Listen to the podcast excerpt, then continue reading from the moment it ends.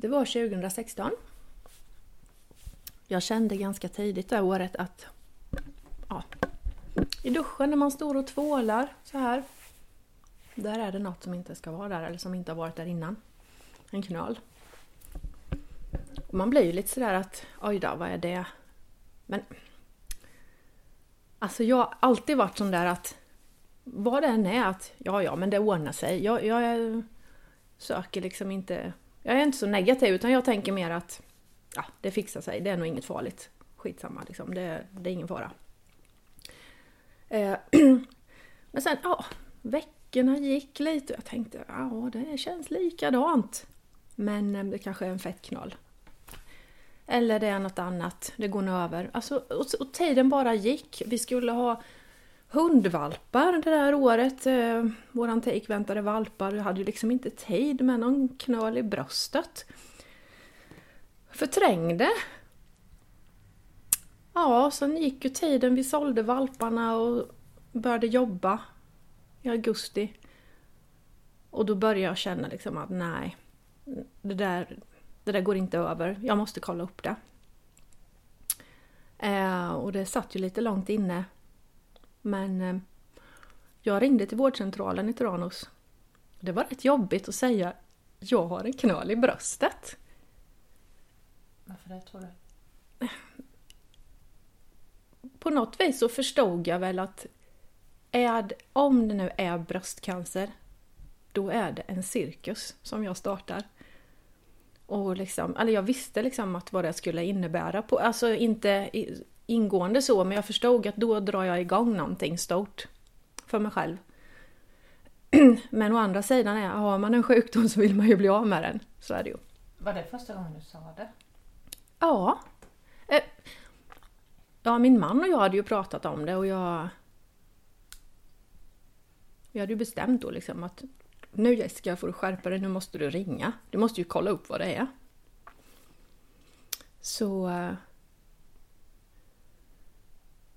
ja, men jag är väl en sån där, jag gillar när allting bara är som vanligt. Och just den där känslan av att om det är bröstcancer så blir det ju en sån grej som startar. Och det var, jag hade liksom inte lust med det. Jag var inte, det var inte så att jag var rädd för vad som skulle hända så, men, men just att det blir en sån grej. Och jag är verkligen det här vardagen liksom. Åka och jobba och man äter och så, ja, man sover och så kör man.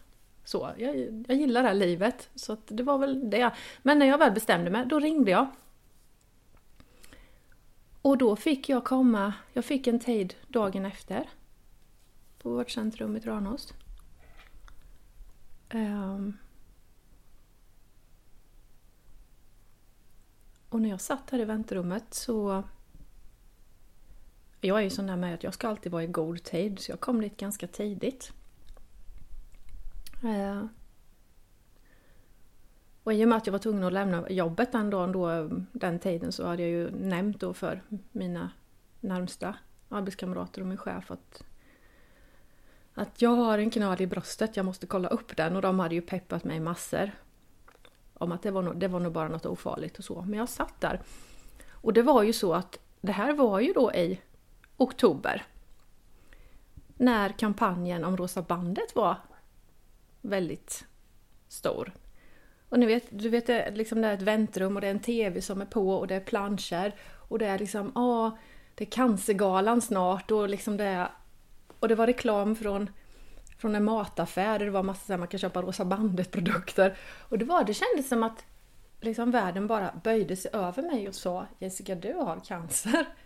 Det, det kändes verkligen så. Och jag har aldrig liksom varit mycket för att prata om sjukdomar, jag känner inte efter så. Men det var verkligen så här, det var som att det var ett tecken så här. Ja, så fick jag komma in till doktorn då. En jättebra läkare. David. Och han ja, han, han, liksom det var ju med han kände ju på knölen.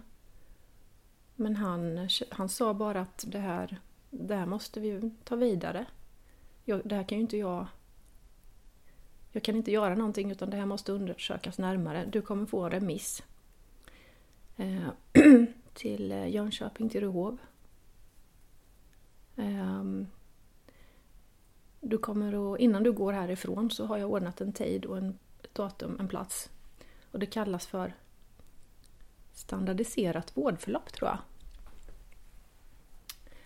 Ehm, och han var stressad den här stackars läkaren men, eh, men, men jag fick vänta lite. Men han sa, jag lovar dig Jessica, innan, innan jag skickar iväg dig så har du den här tiden. Ja, ja, det är lugnt, jag väntar. Och, och så blev det.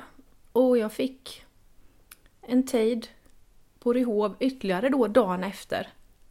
Så från att jag ringde till att jag skulle vara på Ryhov så gick det bara två dagar. Det var fantastiskt.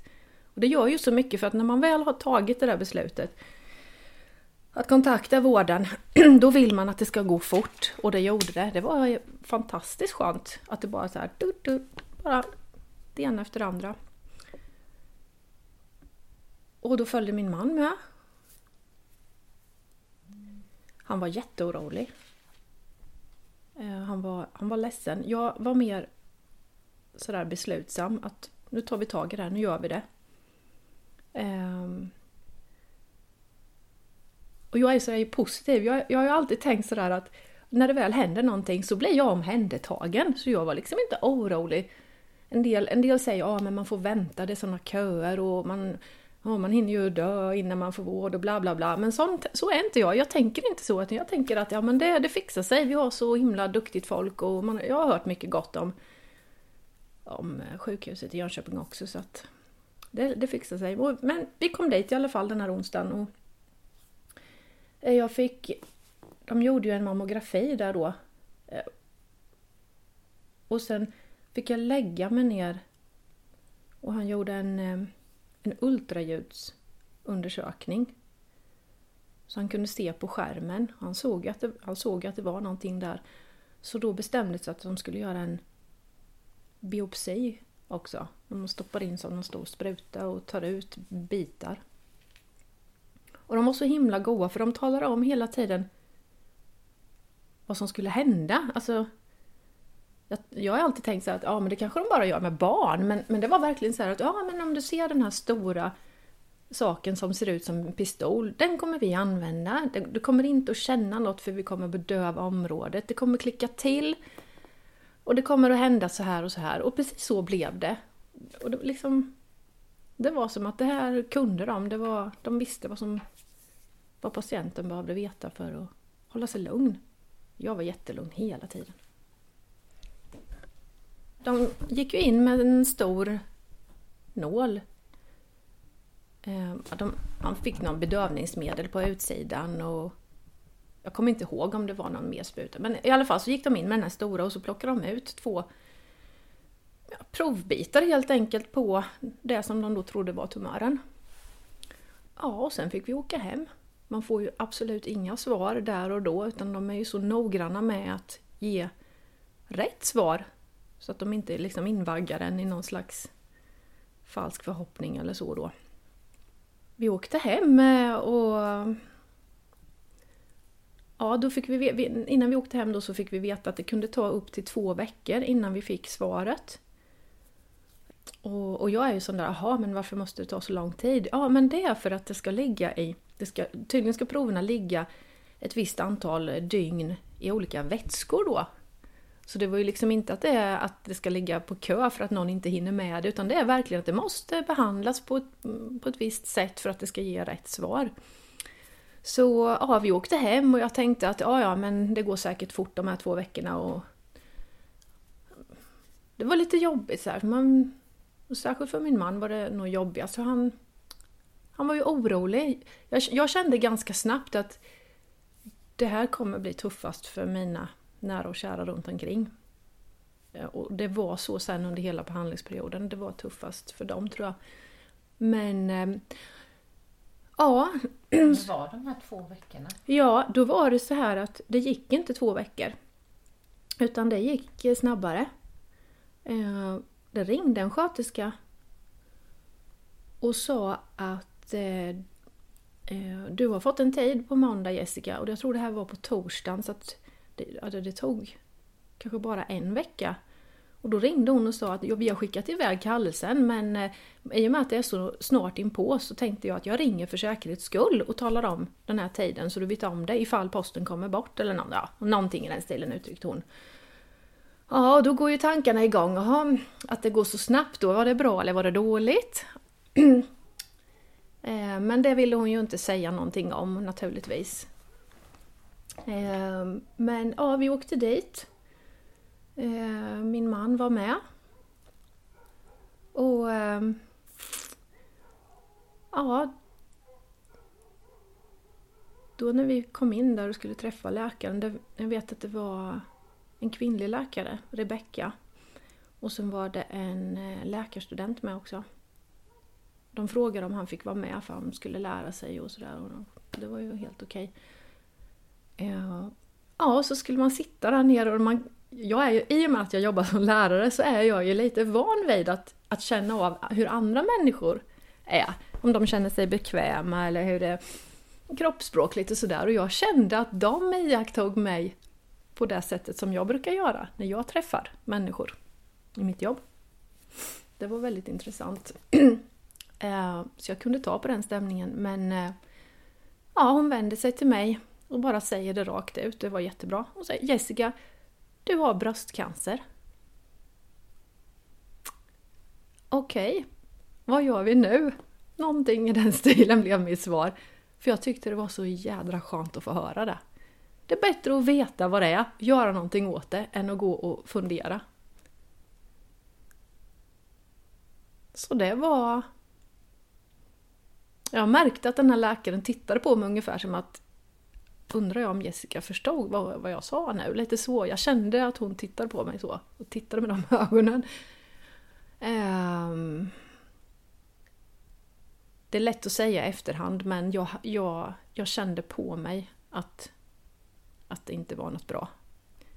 Eh, så jag blev inte förvånad utan det var mest bara skönt att få veta. För då tänkte jag så här: okej, okay, nu gör vi något åt det. Och sen var det, ja, sen fick jag kontakt där med en kontaktsjuksköterska tror jag det heter, Ingela. Eh, som håller lite samordnande funktion upplevde jag att hon hade jag kunde få ringa henne när som helst om jag behövde hjälp med, med någonting, telefonnummer, om jag behövde hjälp med Försäkringskassan eller ja, vad som helst om, om tankar inför allt som skulle hända. Men eh, jag fick ju i alla fall veta där då av, av läkaren och den här sköterskan att det, det första som händer är eh, operation och strålning. Och det är ju tydligen någon slags standardbehandling då. och den planen, det var ju utifrån det som det här provet hade visat. Men sen fick jag ju också veta att under operationen så tar man ju också prover på lymfkörtlar och på tumören som man tar bort. Och då kan då, eh, undersökningen utav, utav det då kan ju i sin tur leda till att man får göra, lägga till behandling. Man kan inte förutsäga all behandling före. Eh, så eh, jag opererades den 4 november 2016. Jag var inställd på strålning någon gång där runt jul. Men eh, när jag skulle på återbesök så så fick jag veta att eh, den här tumören hade egenskaper. Den var ganska elakartad. Eh, jag, jag är inte så himla lätt att uttrycka vad det var som gjorde det så. Jag, jag, kan, jag ska inte säga att den var aggressiv. Jag tror, jag för mig att de har sagt att den var aggressiv, men att den var väldigt elakartad. Den var en trea på en treskala. skala Eh, HER2-positiv som ja, det är en speciell sort av bröstcancer.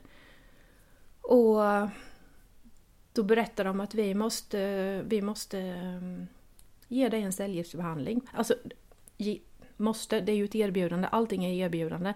Men den här behandlingen med cellgiftsbehandling och en ytterligare en behandling som är ganska ny. Man får en, en spruta i benet var tredje vecka under ett år. Um, en Herceptinspruta hette det. Um, och då... om jag får backa bandet lite där, alltså när jag, när jag visste att jag skulle opereras och strålas. Som lärare är man ju så inne i att man, man har många bollar i luften, man har ansvar för eleverna. Att vara borta är inte jättekul. Så jag tänkte att ja, men några veckor sen är jag tillbaka igen. Så jag gick hemma ganska mycket och tänkte på jobbet och jag funderade över hur jag skulle lägga upp det när jag kom tillbaka. Jag höll kontakter med, med kollegor, inte bara för att de brydde sig om mig, men också för att höra hur det går för ungarna på jobbet och det här då. Va? Men i samma sekund som läkaren sa cellgifter, då förstod jag att nu, nu släpper jag mitt vanliga jobb ett tag, för nu, nu, nu, nu kommer jag ha ett annat jobb att sköta. Och det var...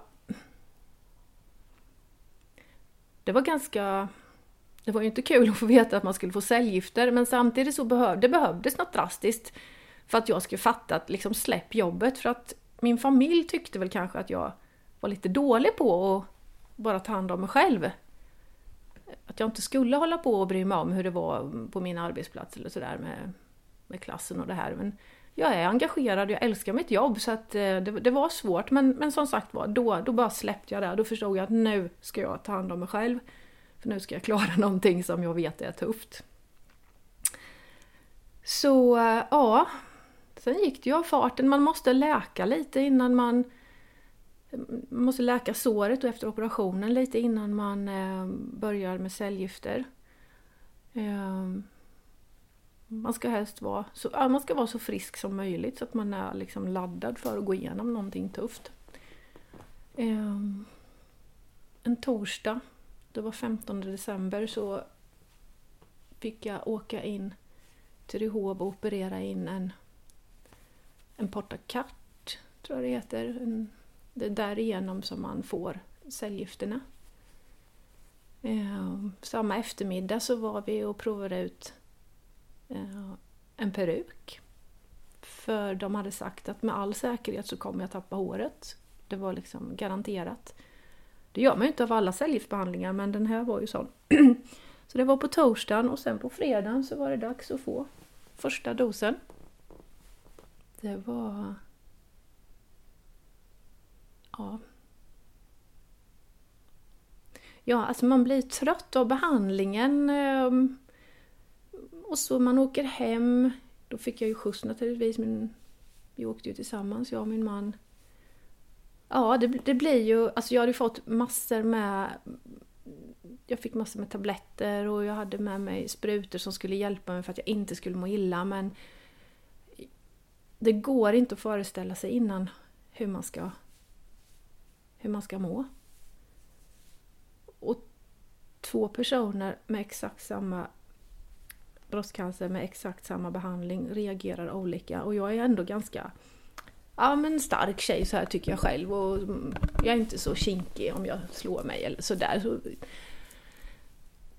Men eh, kroppen eh, sparkade ju bakut ganska snabbt. Det, det, det, det, var tufft var det men eh, sen när man kom upp efter några dagar så klättrade jag upp lite ur det där diket och, och sen var jag ju nästan som vanligt där det var ju precis innan jul. Det gick ungefär tio dagar så märkte jag att håret började falla. Ehm, då bestämde jag mig för att jag ska inte gå här och tappa hårtussar utan eh, min dotter ehm, och jag, vi plockade fram ehm, en, sån här, en sån här trimmer. Så hon eh, rakar av allt håret hur gammal var hon då? Då var hon, eh, nu ska vi se här, eh, 14. Mm. Eh, vi skrattade faktiskt och, under tiden. Det var ju jättetufft för henne att berätta för sitt eget barn att man har cancer. Eh, det, det går inte att vara förberedd på hur det ska bli. Nu är ju Filippa en väldigt stark tjej också. och Hon... Eh, det var väl att... Ja, men vi var starka tillsammans. Vi grät ihop. Men eh, Jag tror att det gjorde mycket att hon såg att jag trodde att det, att det här skulle gå. Så vi peppade och vi pratade med skolan. Um, I ett tidigt stadie, alltså så fort vi fick veta att jag hade bröstcancer så, och vi förstod att det skulle bli behandling och så här så, så pratade vi med skolan och hon fick ju jättefint stöd på skolan. Av lärare och, och kompisar. Men, men just det där att ringa till sina närmsta och säga en sån tråkig, eller liksom en sån ledsam sak som ändå är laddad. Även att ja, mina, mina familjemedlemmar och kompisar och arbetskamrater, det är ju ganska, eh, vad ska man säga, det är ganska tuffa människor så här. De, de, eller de är ganska klarsynta och, och, också känner liksom att vi har en fin vård i Sverige och så här. Men, men ändå liksom att ringa till sin mamma och till syster och svärmor och, och alla de här och, och säga liksom att ja men jag har bröstcancer. Alltså jag visste ju att de skulle bli skitledsna. Men eh, den första som jag ringde till av alla det var faktiskt min syster. Anna. Hon är ju som min bästa vän. Så jag ringde hem redan från bilen. Då när jag fick, hade fått beskedet och då... Eh, så, ja, Hej, sa jag. Hej, ja men hur gick det? Gick det åt helvete eller? Ja, det gjorde det. Ja, ja, men det löser vi Jessica, det ordnar sig. Och sen var det inte mer med det. liksom hon är så rakt på sak. Och det var jätteskönt. Och jag fick den stöttningen hela tiden. Alla trodde att det här ska gå. Och det trodde jag ju med. Mm. Jag har liksom aldrig jag har aldrig tänkt att det inte skulle gå. Jag har inte varit rädd någon gång egentligen. Det var vid ett tillfälle när jag faktiskt började fundera lite. Jag är inte så grubblig av mig men jag började fundera, men herregud, varför gick jag inte? Varför sökte jag inte tidigare? Tänk om jag hade väntat lite till? Liksom vad dumt, varför gör man inte det för? Eh, så det skulle jag verkligen vilja, det skulle jag verkligen vilja säga till andra om man upptäcker en knöl i ett bröst. Gå direkt till vården liksom. Hur dum får man vara? Alltså jag, jag känner att just i det lilla så hade jag ju tur. Särskilt efteråt då med, liksom med facit i hand att det var så... Det var en, en väldigt elak rackare. Jag hade väl liksom ingen tanke så att det kunde jag visste inte så mycket. Jag tänkte, ja men en knöl den sitter där på ett ställe, stor som en vindruva ungefär. Den sitter ju där, den kan ju liksom inte, vad, vad kan hända? Ungefär. jag hade ju inte en tanke på att det liksom kunde följa med blodet och liksom sätta sig överallt i hela kroppen. Jag hade ju inte en tanke på det. För då hade jag nog sökt direkt. Men man lär sig. Eh, det var ingen i min familj, ingen släkting som har haft cancer överhuvudtaget. Så att nej som sagt var, jag visste ju inte så mycket men eh, Ja, nej men vi kämpade tillsammans. Det... Jag fick du kämpa på med de här cellgiftsbehandling. Ja, och då var det så här att eh, det var också någon slags standardbehandling. Man får, man får eh, först får man tre ganska tuffa behandlingar med tre veckors mellanrum. och sen så fick jag åka och få Eh, en behandling varje vecka i 12 veckor tror jag. Och då var den, eh, den var lite mildare kan man säga. Men å andra sidan så blir det ju tuffare för kroppen. För att man drar ju ut på det. Och sen så drar det ju med sig att Alltså det, det är ju tufft, det är ju inte bara att må illa och tappa håret. Det ska, ju, det ska man ha klart för sig. Utan det är ju mycket annat med. Jag, menar, de, jag vet att de hade stenkoll på... De frågade mig alltid om jag hade stickningar i fötterna och händerna. Jag förstod ju inte riktigt då varför det var så viktigt. Att jag talade om exakt hur det var i just... För jag är ju sån där, ja ja men det kanske sticker lite men det är väl inte så farligt. Sån där, det får man väl räkna med att det känns. Lite sån har jag ju alltid varit då men men eh, ja, det fick jag väl kanske lida för lite för att det, det blir... Eh, man kan få lite nervskador i fötter och händer som gör att det kan... Det kan domna bort, det kan smärta som stickningar. Man har, alltså man har egentligen, det är som att eh, nervsystemet blir lurat att tro att man har en skada fast man inte har det. Men på mig ledde det till, både under behandlingen men även lite nu efteråt, att jag... Det är inte så farligt nu längre men att man får svårt att gå. Man får så himla ont i fötterna så att... Eh, nej, man, man, man kan inte gå helt enkelt. Men eh, det kan gå över, det kan finnas kvar, man kan lindra det kanske i vissa fall på olika sätt med läkemedel eller med lite tillskott. Så. Mm. Men, eh, Hur länge fick du, när, när var du färdig med de här cellgifterna och vad hände sen? Eh, jo, jag var färdig med cellgifterna i maj 2017. Och då... Innan det var färdigt så fick jag påbörja den här Herceptinbehandlingen. Och det är alltså en spruta man får i låret var tredje vecka under ett år. En ganska ny behandling. Den var färdig, och det var faktiskt i januari i år som jag fick sista. Så det är ganska utdraget så. Och den kan man bara få på plats. Man kan inte få den på vårdcentrum i, i Tranås utan då var jag tvungen att åka till Rehov. Så Herceptin. Som jag har fått förklarat för mig på ett enkelt sätt så är det ehm, ehm, För jag hade ingen spridning nämligen i, min, i mina lymfkörtlar, tack och lov. Utan det var den här tumören. Men, men däremot så är det ju så att tumören skulle kunna ha släppt ifrån sig sjuka celler som är så små så att de inte går att se i lymfkörtlarna. Och om det då hade funnits sådana sjuka celler som följt med i mitt blod så den här Herceptinbehandlingen fungerar nästan som självsökande. Den söker upp de här sjuka cellerna och förgör dem. Enkelt uttryckt nu, väldigt enkelt uttryckt. Eh, så det, det var ju lite som att ha hängslen och livrem och, och en gång till liksom. Det var ju så här också som sagt vad jag sa ju det i början att vi hade ju valpar där på våren 2016. Och det är ju jakthundar då, vi har Hamiltonstövare. Eh, och jag är ju sån att jag försöker ju alltid tänka att det finns någonting positivt med allting. Så eh, när jag förstod att jag skulle vara sjukskriven mycket och länge, då tänkte jag, men när jag orkar så kommer jag ju kunna gå till skogen och jaga. Jag kommer att få en massa tid att jaga in min valp som jag inte hade fått annars. Så tänkte jag och det blev så bra. Eh, jag hade ju naturligtvis dagar när jag inte orkade att ta mig ur sängen.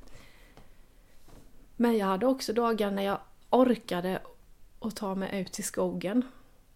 Eh, ofta tillsammans med en, en, en äldre jaktkompis, en pensionär.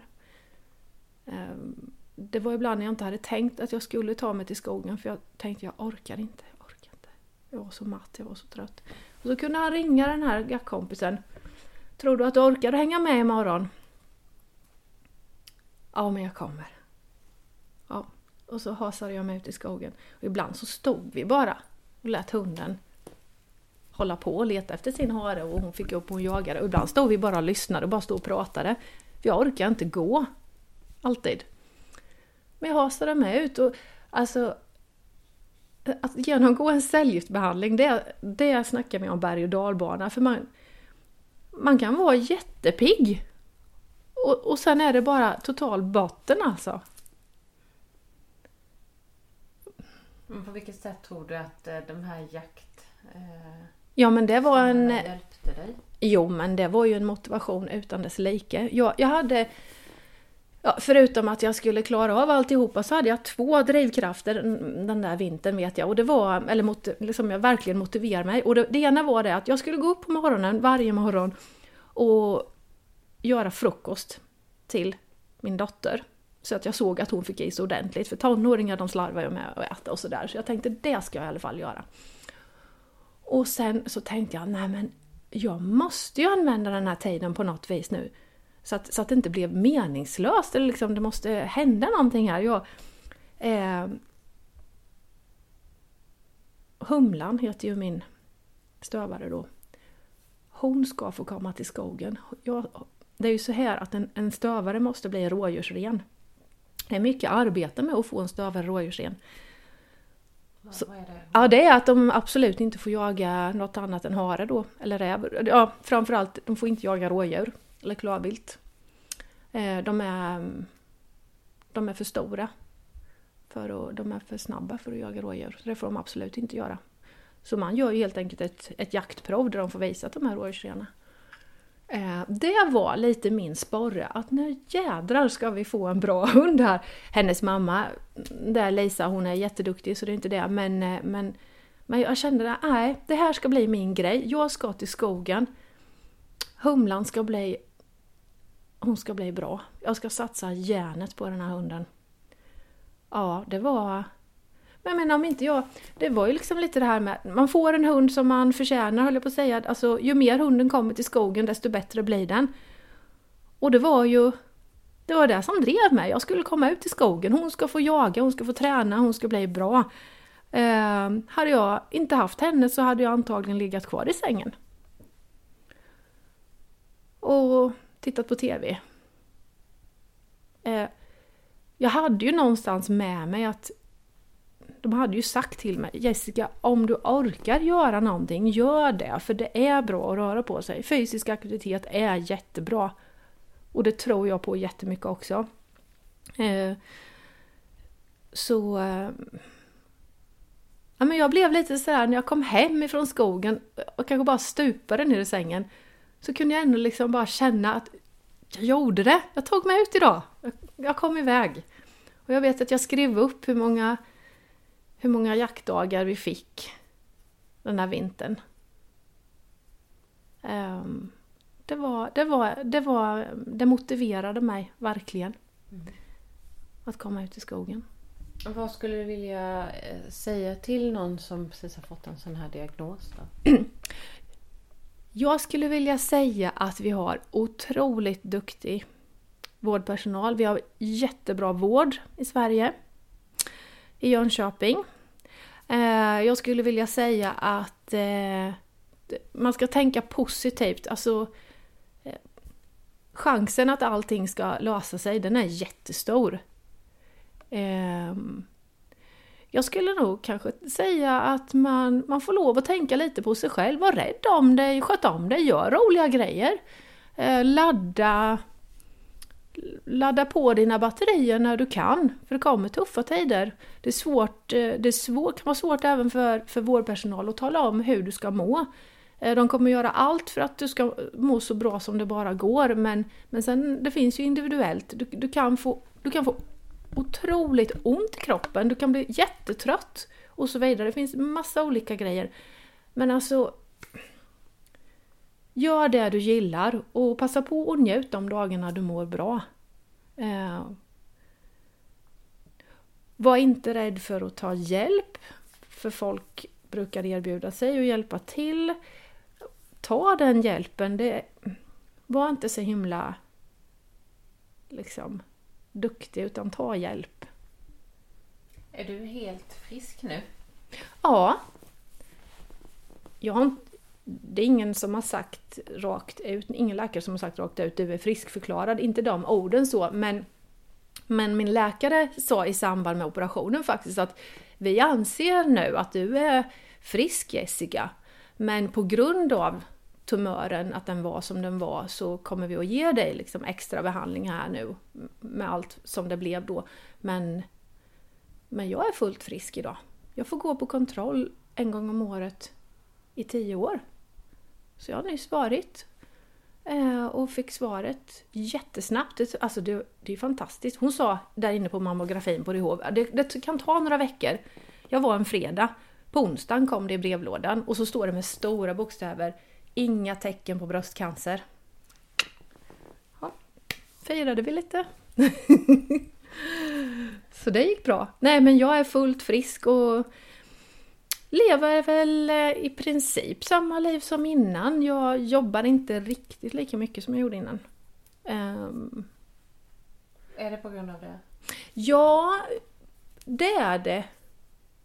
Jag tror att jag skulle klara att jobba heltid. Jag jobbar alltså, Eh, man kan säga 80% plus 10 procent. Jag har en förstelärartjänst i Tranås kommun också. Men det, det, gör att jag kan vara hemma. Och, och behöver jag jobba så gör jag det hemifrån då på onsdagar. Det gör ju jättemycket för återhämtning. Eh, jag känner att jag mår bra av att kunna vila på onsdagar. Så är det. Mm. Fick du ta bort hela ditt bröst eller? Nej. Eh, det fick jag inte. De tog eh, en sån här så kallad tårtbit. Men väldigt duktig kirurg. Jag vet att han, han satt och tittade på mitt bröst innan och funderade så här hur han skulle göra. Mm, han var som en liten professor och satt så här och, mm, och så här. Ehm, för jag hade fått höra att den här kirurgen skulle vara så himla duktig Eh, på att se till att det blir snyggt efteråt, så, så gott det går då. Nej, alltså jag har bara... Det är bara som en liten, en liten grop inne i bröstet. Det syns knappt alls. Så jag, är, jag ser ut nästan som innan. Jag har lite ärr efter... Ja, jag har ett ärr här på bröstet där de var tvungna att skära såklart. Ett ärr vid den lymfkörteln som de var tvungna att plocka ut för att testa också. Och sen får man ju ärr efter den här porta katten lite här och sen går det upp lite här vid halsen. De, de måste öppna för att liksom svänga slangen eller hur man nu ska säga för det går ju rakt in i, i, eh, blod, i det stora blodkärlet. Mm. Har det påverkat dig på något sätt som person tycker du? Det är nästan svårt att svara på det. Det kanske andra som känner mig märker mer men när jag tänker på det själv så är jag väl... Alltså tanken slår mig faktiskt då och då att jag vann ju ändå en vinstlott här. Jag fick ju vara kvar här på jorden.